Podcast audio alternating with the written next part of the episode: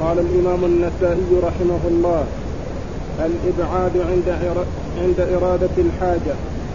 وقال أخبرنا عمرو بن علي قال حدثنا يحيى بن سعيد قال حدثنا أبو جعفر الخصمي عمير بن يزيد قال حدثني الحارث بن فضيل وعمارة بن خزيمة بن ثابت عن عبد الرحمن بن أبي قراد رضي الله عنه أنه قال خرجت مع رسول الله صلى الله عليه وسلم إلى الخلاء وكان إذا أراد الحاجة أبعد.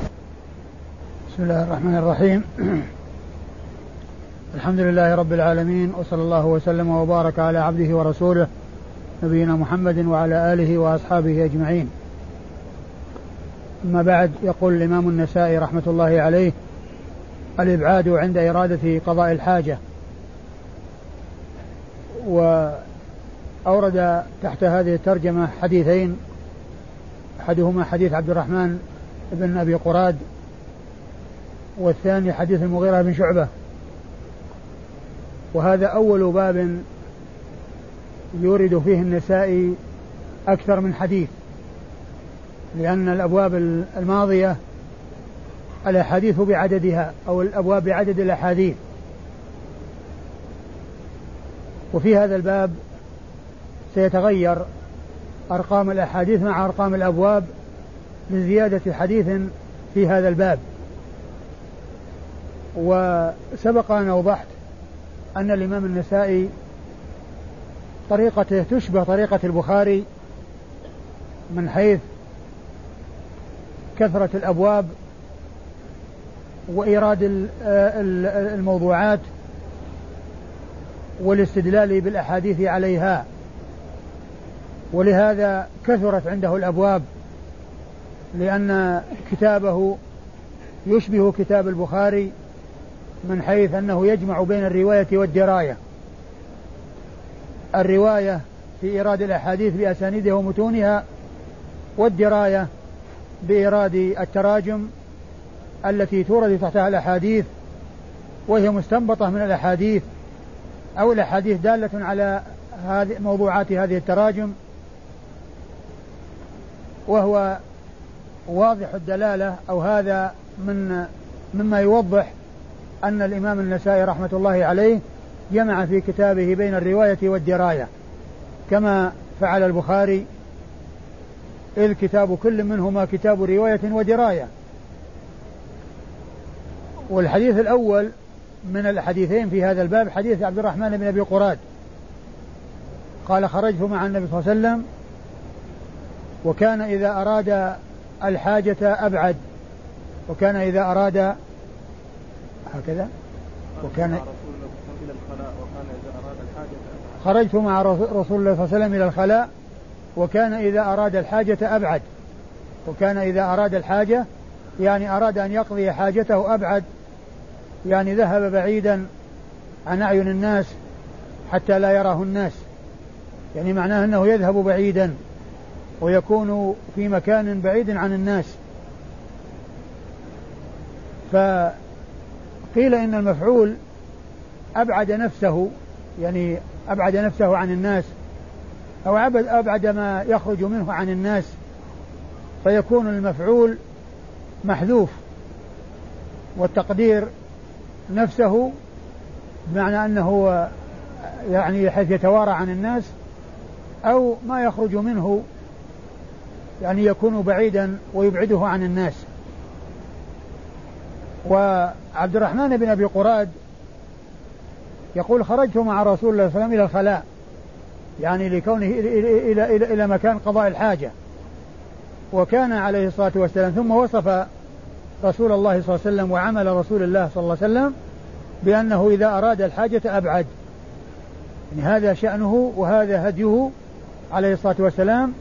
أنه كان إذا خرج لقضاء حاجته يذهب بعيدا عن أعين الناس بحيث لا يراه الناس وهو يقضي حاجته صلوات الله وسلامه وبركاته عليه. والخلاء يعبر به آه عن قضاء الحاجة أو عن موضع قضاء الحاجة. فيقال له الخلاء لأنه غالبا ما يذهب الناس إلى الخلاء. يعني الأماكن الخالية. فكان يعبر عن قضاء الحاجة بالخلاء لأنها غالبا ما تقضى الحاجة في الخلاء في تلك في ذلك الزمان. وعبد الرحمن بن أبي قراد هذا من أصحاب رسول الله صلى الله عليه وسلم ولكنه مقل من الحديث. يقال إنه ليس له عند أصحاب الكتب إلا هذا الحديث. عند رواه النسائي ورواه ابن ماجه. فهم الذين رووا عنه من أصحاب الكتب الستة وقد رووا عنه هذا الحديث. رووا عنه هذا الحديث الواحد. فهذا فهو مقل من الحديث وهذا الحديث من وهذا الحديث آه أو آه ليس له إلا هذا الحديث عند أصحاب الكتب. يعني عند النسائي وعند عند أبي وعند ابن ماجه. أما حديث المغيرة بن شعبة الذي سيأتي فهو عند عند عند جماعة من أصحاب الكتب الستة. ليس كهذا يعني آآ آآ وأيضا صاحبه روى أحاديث كثيرة اللي هو المغيرة بن شعبة. أما عبد الرحمن بن أبي قراد فله عند أصحاب الكتب الستة. أول لم يروي عنه إلا النسائي وابن ماجه وليس عند له عندهم إلا هذا الحديث الواحد. وليس له عندهم إلا هذا الحديث الواحد. والإسناد في أوله يقول؟ إسحاق بن إبراهيم. عمرو بن علي. حدثنا عمرو بن علي. وعمرو بن علي هو الفلاس الذي سبق أن مر ذكره. هو عمرو بن علي الفلاس. وهو من النقاد. من المعروفين بنقد الحديث وهو من رجال الكتب الستة. أبو آه، آه، عمرو بن علي الفلاس عن من؟ عن يحيى بن سعيد؟ عن يحيى بن سعيد القطان. عن يحيى بن سعيد القطان وهذا أيضا من الثقات الأثبات ومن رجال الكتب الستة وهو من أئمة الجرح والتعديل. وهو الذي سبق أن ذكرت أن الذهبي لما ذكره في كتاب من يعتمد قوله في الجرح والتعديل ذكر اثنين. يعني هما عبد الرحمن بن مهدي ويحيى بن سعيد القطان. فقال هذان إذا جرح شخصا فهو لا يكاد ينجر يندمل جرحه. لا يكاد يندمل جرحه يعني معناه أن أن جرحهم مصيب وأن جرحهم إياه مصيب. يعني لا يكاد يندمل جرحه يعني معناه أنه أصاب الهدف فيما قالاه عن الرجل. فيحيى بن سعيد القطان وعبد الرحمن بن مهدي إمامان من أئمة الجرح والتعديل وهما من طبقة شيوخ أصحاب الكتب الستة وهما من أئمة الجرح والتعديل. وإذا فعندنا عمرو بن علي الفلاس ويحيى بن سعيد القطان وهما من أئمة الجرح والتعديل وكل منهما من أصحاب الكتب الستة روى عنه أصحاب الكتب الستة. نعم. حدثنا أبو جعفر الخطمي عمير بن يزيد والخطمي هم نسبة إلى يعني بطن من الأنصار ولهذا يقال الخطمي الأنصاري فهو أنصاري خطمي. أنصاري نسبة عامة وخطمي نسبة خاصة. الخطمي نسبة خاصة والأنصاري نسبة عامة. وهو قال عنه الحافظ أنه صدوق وروى عنه أصحاب السنن الأربعة. روى عنه أصحاب السنن الأربعة. يعني ليس له رواية في الصحيحين. ليس له رواية في الصحيحين وإنما الذين رووا عنه من أصحاب الكتب الستة هم أصحاب السنن الأربعة أبو داود والترمذي والنسائي وابن ماجه. أيوه. حدثنا الحارث بن فضيل وعمارة بن خزيمة بن ثابت. الحارث بن فضيل هذا ثقة روى عنه الإمام مسلم. و ال ال والثاني من هو؟ أبو داود والنسائي وابن ماجه؟ يعني ما روى له البخاري ولا الترمذي. أيوه والثاني؟ شو اسمه؟ عمارة عمارة بن خزيمة بن ثابت. وهذا وهذا روى عنه أصحاب السنن الأربعة. روى عنه أصحاب السنن الأربعة وهو ثقة. قال عن الحافظ أنه ثقة. وأما ذاك فهو مثله من رجال أصحاب السنن الأربعة ولكن وصفه بأنه صدوق يعني أنه دون دون هذا دون عمارة ابن خزيمة ابن ثابت. نعم. لكنه من رجال مسلم اللي هو؟ الأول. اي الأول من رجال مسلم اللي هو اللي هو الحارث. إيه الحارث نعم. الحارث من رجال مسلم والثاني من رجال أصحاب السنة الأربعة مثل مثل الأول اللي هو اللي هو أبو, أبو يزيد الخطمي. أبو أبو يزيد. أبو جعفر. الذي قرأ كلاهما ثقة. نعم كلاهما ثقة لأن واحد من رجال آه، من رجال مسلم والثاني عنده أصحاب السنة الأربعة. كالأول اللي هو أبو جعفر الخطمي من رجال أصحاب السنة الأربعة. إلا أن هذا صدوق وذاك ثقة. إلا أن أبو جعفر الخطمي وصف بأنه صدوق وهو دون الثقة. وأما عمارة بن خزيمة بن ثابت فهذا وصف بأنه ثقة. وكل من الاثنين من رجال أصحاب من رجال السنن الأربعة. أيوه. وبعدين عبد الرحمن بن قراد بن أبي قراد. طيب اللي بعده. قال أخبرنا علي بن حجر قال أخبرنا إسماعيل عن محمد بن عمرو بن أبي س...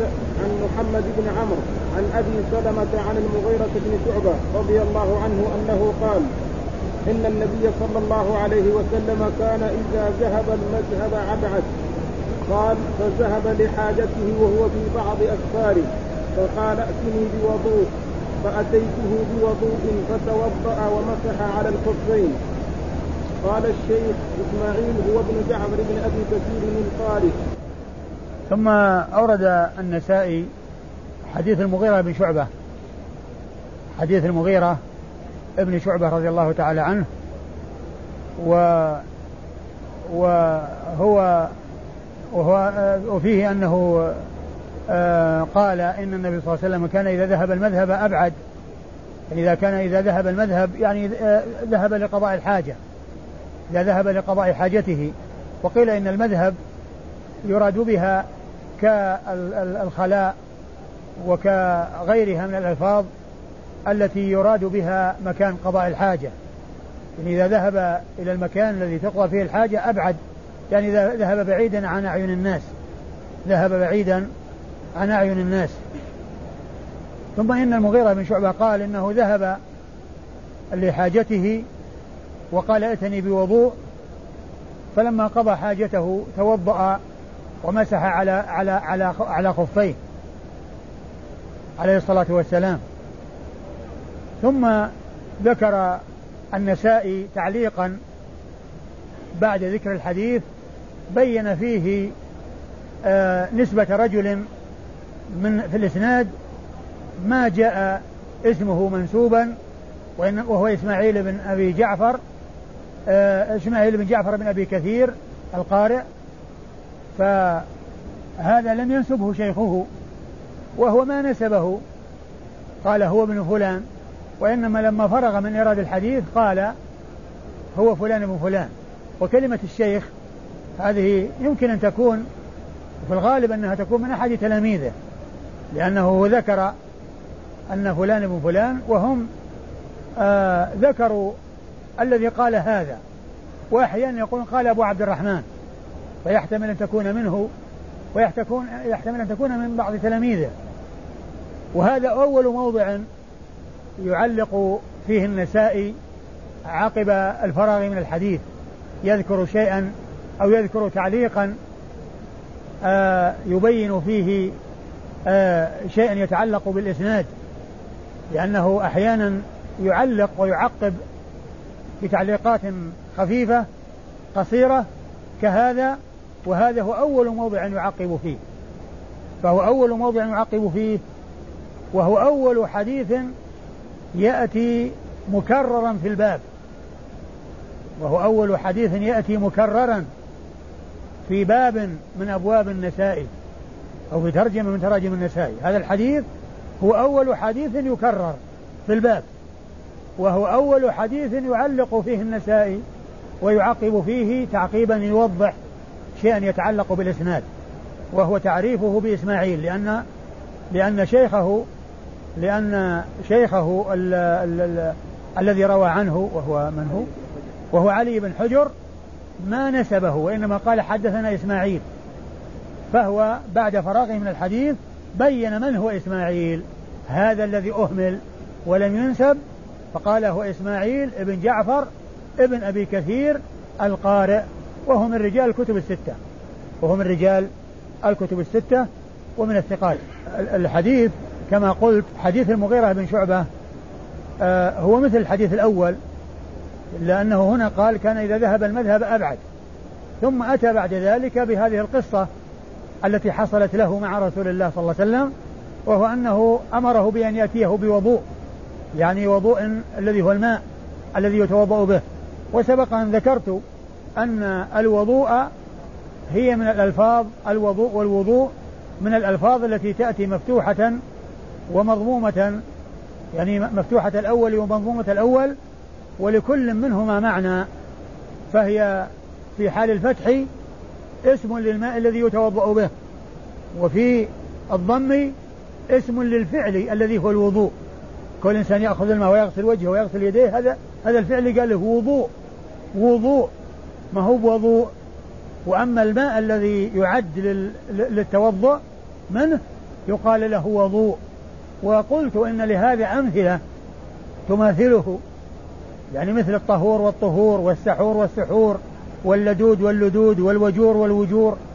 والفاظ على هذا المنوال ما كان في الفتح فهو اسم للشيء المستعمل وما كان بالضم فهو اسم لطريقة الاستعمال أو للفعل الذي هو الاستعمال.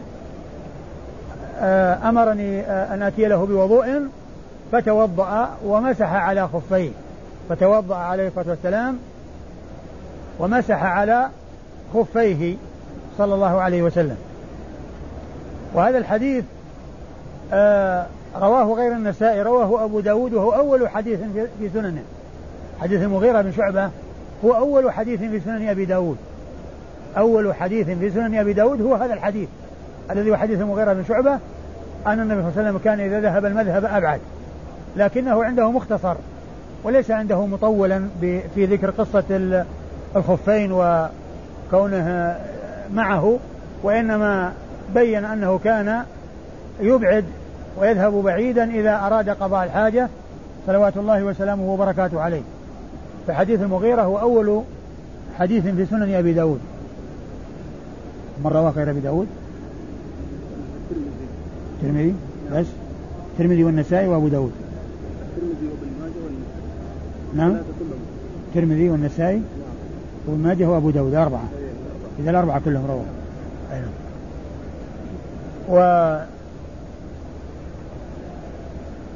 و والإسناد إيش هو؟ علي بن حجر علي بن حجر هو السعدي وهو الذي سبق أن مر بنا ذكره وهو من شيوخ الإمام مسلم ويروي عنه مسلم كثيرا من روى من روى له غير مسلم؟ والبخاري أيوة عند البخاري والترمذي يعني ليس عند ابن ماجه من إيش الارقام اللي عندك؟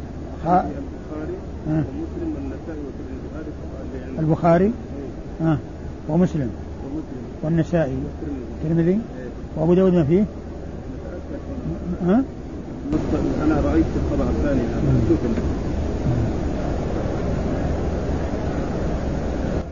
هو من الرجال الذين أكثر عنهم مسلم. نعم. شو؟ يقول يروي عن إسماعيل. إي نعم. لا بس هو الرمز يعني ما ما في لا الترمذي ولا ولا ولا ما في أبو داود ولا ابن ماجه. لكن في النسخه الثانية ما إيه. عن إيش؟ عن ير... عن إسماعيل. إسماعيل بن جعفر. أيوه إيش بعده؟ محمد بن عمرو عن محمد بن عمرو محمد بن عمرو هذا هو بن حلحلة. محمد بن عمرو هو بن حلحلة. وقد وهو يروي يروي عنه إسماعيل إسماعيل بن جعفر بن أبي كثير وكذلك هو أيضا يروي عن من الذي فوقه؟ من فوق؟ عن أبي سلمة، أبي سلمة عن أبي سلمة؟ ها؟ عن أبي سلمة نعم محمد بن عمرو بن أبي ابن حلحلة محمد بن عمرو بن حلحلة هذا هو ال... الذي يروي عنه إسماعيل بن جعفر ابن أبي كثير في الإسناد وهو آه وهو اظنه من رجال الكتب الستة. ما عندك هو ابن عمرو بن علقمة ولا ابن حلحلة؟ لا محمد بن عمرو بن حلحلة. عند أبي داوود يعني وصفه بن علقمة؟ اي عند أبي داوود ولا عند الترمذي؟ ما أدري شوف هناك في التقريب. ما يبين. لا يعني حلحلة قد ينسبه. قد يكون فيه ابن علقمة. أيوه لكن ما يوضح هل هنا الموجود في الاسناد ولا لا. لا شوف شوف محمد شوف التقريب لا يكون هل في محمد بن عمرو بن علقمة ولا لا يكون تصحيح بعد؟ قصدي يعني في في أبي داود ولا في الترمذي لا. ها؟ لا هو منسب أنا رايته منسوبا في في شيوخ شيوخ إسماعيل بن جعفر. لأنه في عدد يقال محمد بن عمرو. لكن الذي نص على أنه روى عنه محمد بن عمرو بن حلحلة. الذي نص عليه نص عليه في التهذيب. في وسط من يسمى محمد بن عمرو في وسط عدد كثير قال محمد بن عمرو لكن كيف نعرف تجد حلحلة موجودة. محمد بن عمرو بن هذا لكن كيف نعرف أنه هنا في الإسناد هو هذا؟ لا أنا أريد أن أعرف كلمة علقمة هذه في علقمة ولا لا؟ أن تقول علقمة عند عند بعض الكتب. فأنا أريد أن أعرف هل علقمة موجودة أيضا مع حلحلة؟ لا لا لا. أنا قصدي محمد بن عمرو بن علقمة بن وقاص الليثي وين؟ هذا الذي معه موجود فين؟ في إحدى السنن الترمذي وأبي داود في هذا؟ في نفس الحديث؟ لا في نفس الحديث؟ إيه في نفس الحديث؟ محمد بن عمرو بن علقمة؟ إيه بن وقاص الليثي بن وقاص الليثي. سلمة مم. والسنن موجود في هذا نفس الإسناد لكن الذي تحته ليس هذا إسماعيل ليس. في عندك محمد بن عمرو بن, ح... بن علقمة. شوف في التقريب شوف التقريب محمد بن عمرو بن علقمة فيه موجود يعني في ال... محمد أيوه. وش طبقته؟ طبقته من السادسة. ليش؟ السادسة. السادسة. من السادسة. وذاك منه بن حلحلة. نفس الشيء. من السادسة. محمد بن عمرو. بس هذاك ما ذكر محمد بن عمرو هذا اللي هو ابن حلحلة اللي هو في تهذيب التهذيب. لكن أنت وجدت في الإسناد محمد بن سنن أبي داود والترمذي. نفس الحديث؟ قال وهو ابن عمرو اي إذا نشوفه. إذا نشوفه لأن أنا ما رأيت يعني في التقريب في. في تهذيب التهذيب في شيوخ إسماعيل بن جعفر إلا محمد بن عمرو بن حلحلة. محمد بن عمرو بن عن يعني وروى عن روى عن فلان وفلان ومحمد بن عمرو بن حلحلة. ما ذكروا ناس يسمون محمد عمرو إلا هذا. لكن إذا كان موجودا في الإسناد يعني آه، في بعض الأسانيد آه، نشوفها إن شاء الله. طيب بعده؟ من هو؟ الذي بعده عن ابي سلمة. عن أبي سلمة هو أبو سلمة بن عبد الرحمن. أبو سلمة بن عبد الرحمن بن عوف وهو الذي سبق أن مر بنا في أول حديث. وقلنا أن بعض العلماء قال إنه آه، سابع الفقهاء السبعة على أحد الأقوال وهو من رجال الجماعة. هو سابع الفقهاء السبعة على أحد الأقوال. نعم. المغيرة بن شعبة صاحب رسول الله صلى الله عليه وسلم وكان يعني أميرا على البصرة وعلى الكوفة وكان كذلك يعني من من الصحابة المشهورين وكذلك أيضا من الشجعان و و يعني فيه صفات حميدة. رضي الله تعالى عنه وأرضاه. نعم. قال الرخصة في ترك ذلك. وقال أخبرنا إسحاق بن إبراهيم قال أخبرنا عيسى بن يونس قال حدثنا الأعمش عن شقيق عن حذيفة رضي الله عنه أنه قال كنت أمشي مع رسول الله صلى الله عليه وسلم فانتهى إلى سباطة قوم فبال قائما فتنحيت عنه.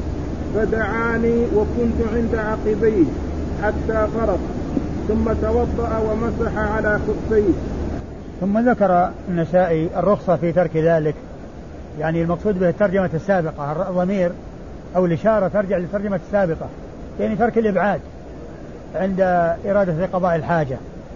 كان هديه صلى الله عليه وسلم أنه يبعد ويذهب في مكان بعيد عند قضاء الحاجة. ولكنه جاء عنه ما يدل على ترك ذلك في بعض الأحيان. ولهذا ذكر الترجمة الأولى الإبعاد عند إرادة قضاء الحاجة وهنا قال الرخصة في ترك ذلك يعني ترك الإبعاد. وكونه لا يذهب إلى مكان بعيد في بعض الأحيان. ثم أورد تحته حديث حذيفة بن اليمان رضي الله عنه أنه كان مع النبي صلى الله عليه وسلم يمشي معه فانتهى إلى سباطة قوم. ف آه، فبال قائما. فأراد آه، حذيفة أن يذهب فدعاه فجاء إليه وجعله يقف وراء عقبيه. يعني وراءه ليستره. ثم إيش؟ ثم ثم توضأ ومسح على خفيه. ثم توضأ ومسح على خفيه. فالحديث مطابق لما ترجم له من حيث أنه ما ذهب إلى مكان بعيد ما ذهب إلى مكان بعيد كما كان هذا شأنه وهذه عادته عليه الصلاة والسلام. ولعله آه، احتاج إلى ذلك أو آه، آه، ألجأته الحاجة يعني إلى إلى إلى هذا العمل الذي عمله يعني كونه يذهب في في, في, في هذا المكان وأيضا كونه بال قائما وهذا ليس من عادته عليه الصلاة والسلام وإنما فعله أو جاء عنه في هذه المرة واختلف العلماء في جواز أو في حكم البول قائما فمن العلماء من قال إنه لا يحصل البول إلا في حال الجلوس وأن النبي صلى الله عليه وسلم ما فعل هذه المرة إلا لأمر اقتضى ذلك. قيل منهم من قال إنه في آه، ألم في صلبه وقيل إنه وقيل غير ذلك. ومنهم من قال إنه فعله مرة وعلى خلاف عادته لبيان الجواز. وهذا هو الذي ذكره النووي ورجحه الحافظ بن حجر وأن الرسول فعله لبيان الجواز. ولعله يكون حصل يعني دفعته الحاجة وألجأته الحاجة إلى أن يفعل ذلك في هذا المكان وأن يكون ذلك قائما لأن المكان آه، قد لا يكون مناسبا لأن يجلس فيه لكن مهما يكون من شيء فإنما قاله النووي وما قاله الحافظ بن حجر من أن هذا يدل على الجواز عند الحاجة لا بأس بذلك. وقد جاء في بعض الأحاديث عن عائشة أنها تنكر أنها تنكر أن يكون الرسول صلى الله عليه وسلم يبول قائما. ومن المعلوم أن هذا المعروف من هديه الذي تعرفه أمهات المؤمنين. وأما هذه فهي حالة خاصة عرفها حذيفة رضي الله عنه وشاهدها ورواها وفعله صلى الله عليه وسلم هذا دال على الجواز عند الحاجة وأن هذا خلاف الأصل والأصل هو أن يكون البول عن جلوس وإذا دعت الحاجة إلى أن يحصل البول عن قيام فهذه فهذا فهذه سنة رسول الله صلى الله عليه وسلم.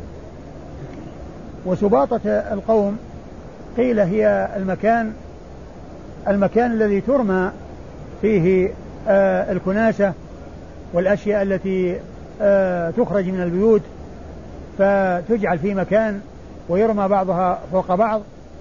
فيقال لها سباطة. فالرسول صلى الله عليه وسلم آه بال قائما في هذا المكان وحذيفة رضي الله عنه أراد أن يذهب فالنبي صلى الله عليه وسلم دعاه ولعله يكون دعاه بالإشارة أو دعاه بالكلام وإذا كان دعاه بالكلام فهو يدل على جواز الكلام عند قضاء الحاجة لأمر يقتضي ذلك إذا اقتضى الأمر ذلك. إيش اللفظ الحديث؟ فانتهى إلى سباطة قوم فبال قائما فتنحيت عنه. فدعاني وكنت عند عقبيه حتى فرغ.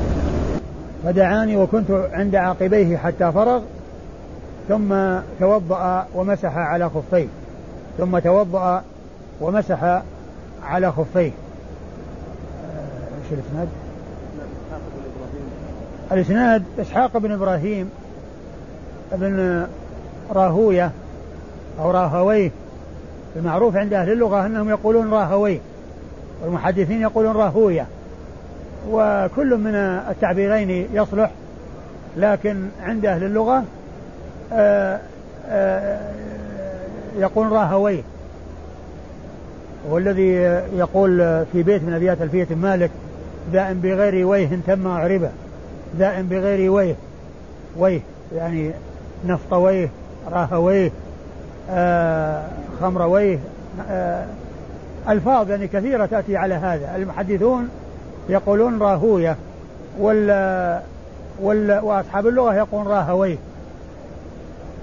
آه وإسحاق بن إبراهيم هذا إمام من أئمة الحديث وله كتاب مسند وهو شيخ لأصحاب الكتب الستة إلا ابن ماجه.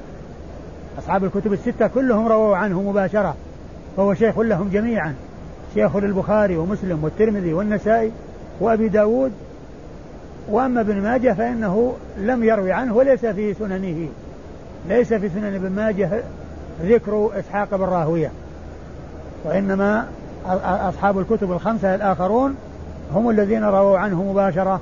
فهو من شيوخهم. وهو إمام جليل. وهو يعني يعني فقيه محدث وهو من طريقته أنه يستعمل أخبرنا في الرواية عن شيوخه. يعني مثل طريقة النسائي. النسائي يعبر بأخبرنا وإسحاق بن راهوية يعبر بأخبرنا. وهنا على طريقة طريقة المعروفة. تعبيره عن شيخه يقول أخبرنا. هنا يقول أخبرنا. وسبق أن مر حديث آه فيه التعبير بعن ما فيه التعبير لا بحدثنا ولا بأخبرنا وأما هنا ففيه التعبير بأخبرنا على عادته. وذكرت أن الحافظ بن حجر في فتح الباري عندما يذكر البخاري إسحاق غير منسوب وهو يحتمل عدد يعني يستأنس لأنه إسحاق بن راهوية إذا كان يعبر بأخبارنا. إذا كان يعبر عن شيخه بأخبرنا فهو يعني يجعلها قرينة تدل على أنه ابن راهوية لأن هذه عادته أنه لا يستعمل إلا أخبرنا لكن وجد عنه في بعض الكتب في بعض الروايات حدثنا. لكن هذا غالب على طريقته. ولهذا ذكرت أن الحافظ بن حجر إذا جاء إسحاق غير منسوب لأن البخاري له عدة شيوخ. قال إسحاق إسحاق بن منصور إسحاق بن راهوية إسحاق عدد كلهم قال لهم إسحاق. فأحيانا يقول حدثنا إسحاق ويسكت فلا يدرى من هو. فهو إذا إذا كان إسحاق هذا يقول أخبرنا فيجعلها ابن حجر قرينة على أنه ابن راهوية لأن هذه عادته أنه لا أنه يستعمل أخبرنا. أيوه. إسحاق بن حدثنا عيسى ابن يونس.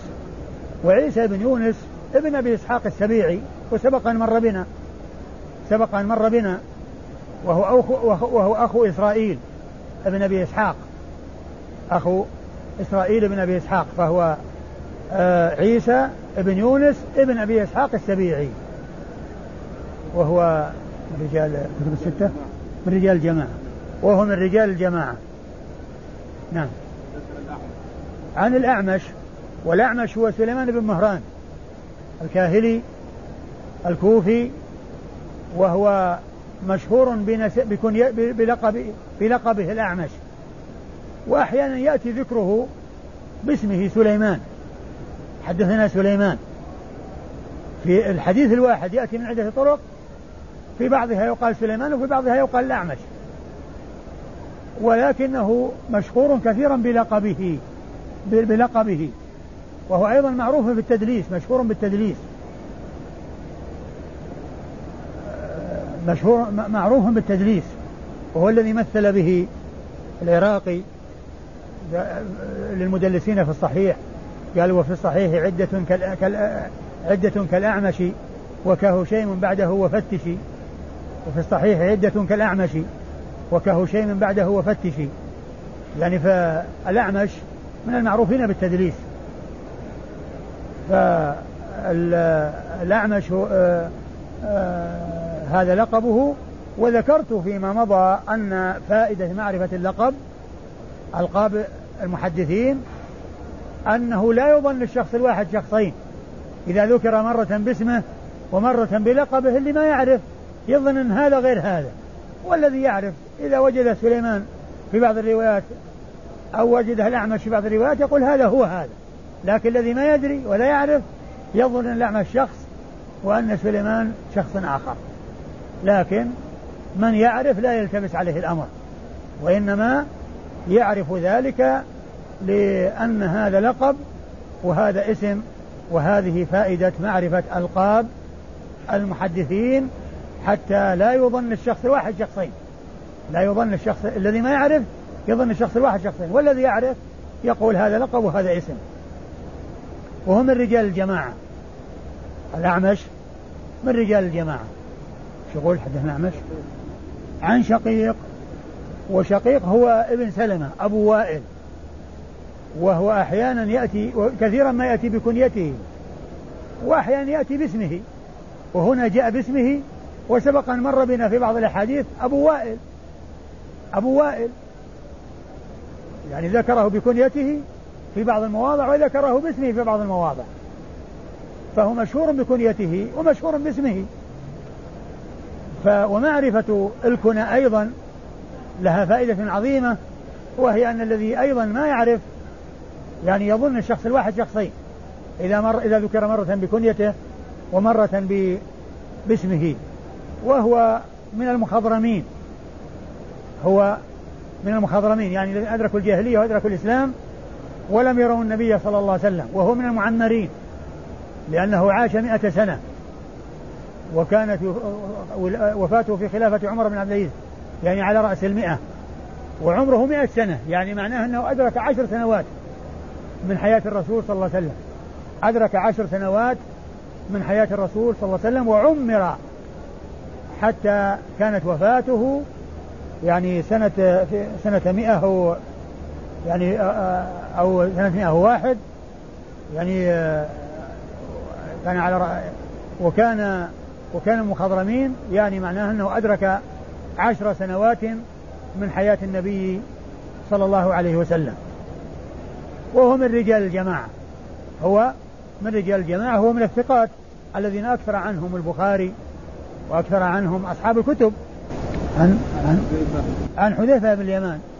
وحذيفة بن اليمان سبق أن مر وهو صاحب رسول الله صلى الله عليه وسلم وصاحب السر وهو الذي كان عنده علم عن المنافقين. نعم. مثل هذا الإسناد. أيوه. الأعمش مدلس وأنعم. اي بس إنه موجودة في الصحيح وهو موجود غيره نفس الحديث. يعني مثل هذا الإسناد يحكم عليه باي هو لو كان لو كان الحديث ما وجد إلا من في هذا في هذا عند النسائي ولم يوجد عند غيره مصرحا بالتحديث فإنه يكون من الأحاديث المتوقف فيها. التي إذا وجد يعني شيء يعني يعضده يعني يرتقي إلى درجة الحسن لغيره. وحديث متوقف فيه حديث المدلس. المدل... الذي فيه التدليس يعني يتوقف فيه.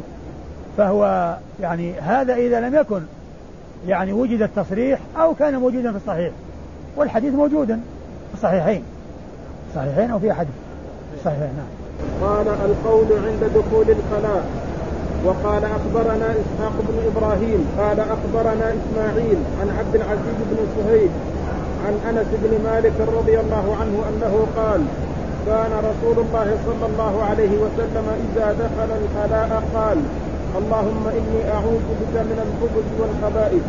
ثم أورد هذه الترجمة وهي القول عند دخول الخلاء. يعني ما ما الذي يشرع أن يقوله وما الذي يستحب أن يقوله من أراد أن يدخل الخلاء لقضاء حاجته؟ ما هو الدعاء المأثور الذي يدعو به ويقوله عند إرادته الدخول؟ آه هو هو ما جاء في هذا الحديث. حديث حديث من؟ حديث أنس بن مالك رضي الله عنه أن النبي صلى الله عليه وسلم كان يقول إذا دخل الخلاء اللهم إني أعوذ بك من الخبث والخبائث. اللهم إني أعوذ بك من الخبث والخبائث. فهذا دعاء كان يدعو به النبي الكريم عليه الصلاة والسلام عند إرادة دخول الخلاء. ويستحب قوله ويستحب الدعاء به اقتداء بالنبي الكريم عليه الصلاة والسلام. وقوله صلى الله عليه وسلم اللهم إني أعوذ بك من الخبث والخبائث. الخبث جمع خبيث وهو بضم الباء. والخبائث جمع خبيثة. فعلى هذا يكون المراد بالخبث والخبائث شياطين الجن ذكورهم وإناثهم. فالخبث للذكور والخبائث للإناث. فيكون الإنسان تعوذ من الخبث الذين هم الذكور والخبائث اللاتي هن الإناث يعني شياطين الإنس شياطين الجن. شياطين الجن وشرع هذا عند دخول الخلاء لأن الشياطين آآ آآ غالبا ما يكونون في الأماكن القذرة وفي أماكن الكريهة فهي أماكنهم التي تناسبهم. و ولهذا شرع عند دخول الخلاء هذا الدعاء الذي به الاستعاذة منهم الذي به الاستعاذة منهم الخبث والخبائث. وفي بعض الروايات الخبث والمراد بالخبث الشر. وعلى هذا فيكون التعوذ من الشر وأهله. التعوذ من الشر وأهله. ويمكن أيضا أن تكون الخبث الخبث هي يراد بها الخبث لأن لأنه يأتي ما كان بهذه الصيغة آه، مضموم العين أيضا يسكن يأتي ساكنها والمراد به الجمع يعني يأتي به يؤتى به مضموم ويؤتى به مسكن للتخفيف لأن ما كان بهذه الصيغة يؤتى به للتخفيف. فعلى هذا يكون المراد به الخبث يعني آه، على أنه جمع. إذا كان يعني آه، على لغة التخفيف في الخبث وأنها يؤتى بها مسكنة على هذا يمكن أن يراد بها الشر ويمكن أن يراد بها أنها مخففة من الخبث وعلى هذا تكون بمعنى الخبث وهي جمع خبيث. وعلى هذا تكون من الخبث وهي جمع خبيث. الحاصل أن رواية خبث هي واضحة في الجمع ولا معنى لها غير الجمع. وأما الخبث فهي تصلح لأن تكون جمع مخفف من خبث وأن تكون آه، يعني اسما بمعنى الشر وليست جمعا. فعلى أن على أنها مخففة من الخبث فهي بمعنى الخبث. والاستعاذة من الذكور والإناث. شياطين الجن ذكورهم وإناثهم. وعلى أنها بالسكون وعلى أنها ب آه، وعلى أنها بالسكون تحتمل أن أن تكون مخففة وأن تكون بمعنى الشر. وإذا كانت بمعنى الشر فالخبائث المراد بها أهل الشر. يعني والنفوس الخبيثة. وعلى هذا فتشمل الذكور والإناث. النفوس الخبائث يعني تشمل الذكور والإناث. آه وال والإسناد إيش؟ والاسناد الإسناد عن إسحاق بن إبراهيم. وهو المتقدم في الإسناد الذي قبله ابن راهويه أو ابن راهويه وإسماعيل الذي يروي عنه إسحاق هو ابن إبراهيم بن علية. إسحاق إسماعيل بن إسماعيل بن إبراهيم ابن علية. إسحاق بن إبراهيم ابن علية هذا هو الذي يروي عنه.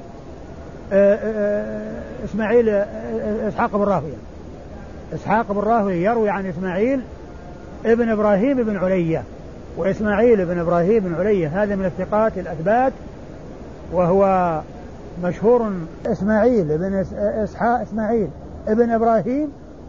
إسماعيل يعني قال تقول قال إسماعيل ابن إبراهيم ابن علية. ما تأتي به لأن يعني في النسب ما عدا الاسم الأول يكون مجرور. فلان ابن فلان ابن فلان ابن فلان. مجرور لأن مع لأن ابن موصوف بها الاسم الذي قبلها. لكن في مثل هذا ابن هذه ترجع إلى إسماعيل. ما ترجع لإبراهيم. ولهذا ترفع. يعني عندما يقال عندما ينسب يقال إسماعيل ابن إبراهيم ابن مقسم ابن علية ما تقول ابن علية لأن علية ليس ليس مقسم ابن علية وإنما إبراهيم هو ابن علية الأول. إسماعيل الأول هذا هو ابن علية ولهذا تأتي الألف ثم أيضا من حيث الإعراب ما تعرب إعراب الاسم الذي قبلها وإنما تعرب إعراب الاسم الأول الذي نسب إلى إلى علية لأنه نسب إلى علية هو إسماعيل. ليس إبراهيم ولا ولا مقسم. لأن علية اسم أم إسماعيل. فإذا قلت قال إسماعيل ابن إبراهيم ابن مقسم ابن علية لأن ابنه ترجع لإسماعيل الأول. ما ترجع لمقسم لأن علية ليست أم مقسم حتى يكون مجرور وإنما ترجع إلى إيش؟ إلى إسماعيل اللي هو اللي هو الأول. إذا يعني هنا يعني شيئان يلاحظان في مثل هذا وهو الإعراب فإنه يعرب إعراب الاسم الأول. وأيضا الألف تثبت لأن لأن ابن ما جاءت بين يعني مقسم وعلية ومقسم ابن لعلية لأنهما غير واحد منتسب للثاني بل الثاني منتسب للأول فتأتي الهم تأتي الألف. أو همزة الوصل في مثل هذا. ما يصلح أنها تحذف. يعني أنت عندما تقول حد تقول إبراهيم إسماعيل ابن إبراهيم تحذف ابن بين إبراهيم وإسماعيل. إبراهيم بن مقسم تحذف ابن بين إسماعيل. لأن الأول منسوب للثاني. لأن الذي قبل ابن ولد ابن. ابن للذي بعدها. أما ابن علية مقسم ليس ابن لعلية وإنما علية أم لإسماعيل الأول. فإذا ترفع وتؤتى بالألف. فهذا من حيث الإملاء وهذا من حيث الإعراب. هذا من حيث الإملاء لازم يؤتى بألف. ومن حيث الإعراب فإنها تعرب إعراب الاسم الأول ولا تعرب إعراب الاسم الذي قبلها لأن الذي قبلها ليس ابنا لها اللي هو مقسم الذي هو جد إسماعيل. مقسم جد إسماعيل ليس ابنا لعلي حتى تحذف الألف وإنما هو ابن للأول فتثبت الألف لأنها لم تقع بين علمين منسوب الأول الثاني وأيضا يعرب إعراب الاسم الأول إن كان مرفوعا رفع وإن كان منصوبا نصب وإن كان مجرورا جر أيوه. عن عبد العزيز وإسماعيل بن علية من رجال الجماعة. الأول منه إيش؟ الأول لا شيخ شيخ النسائي؟ شيخ النسائي نعم إسحاق. إسحاق. بن إبراهيم هذا كما قلت روى عنه هو شيخ لأصحاب الكتب إلا ابن ماجه. وأما الباقون اللي هم ابن علية وعبد العزيز بن صهيب وأنس فهؤلاء روايتهم عند أصحاب الكتب كلها عند أصحاب الكتب كلها. وهذا الحديث من الأحاديث العالية عند النسائي. رباعي. هذا أعلى ما يكون عند النسائي. أعلى ما يكون عند النسائي الرباعيات ما عند الثلاثيات وأعلاها الرباعيات وهذا منها. لأنه بين النسائي وبين رسول الله صلى الله عليه وسلم أربعة أشخاص. إسحاق بن إبراهيم وإسماعيل بن علية وعبد العزيز بن صهيب وأنس بن مالك رضي الله عنه. فهو إسناد رباعي وهو أعلى الأسانيد عند النسائي لأنه ليس عنده ليس عنده أحاديث ثلاثيات وإنما أعلى ما يكون عنده الرباعيات. والله أعلم وصلى الله وسلم وبارك على عبده ورسوله نبينا محمد وعلى آله وأصحابه أجمعين.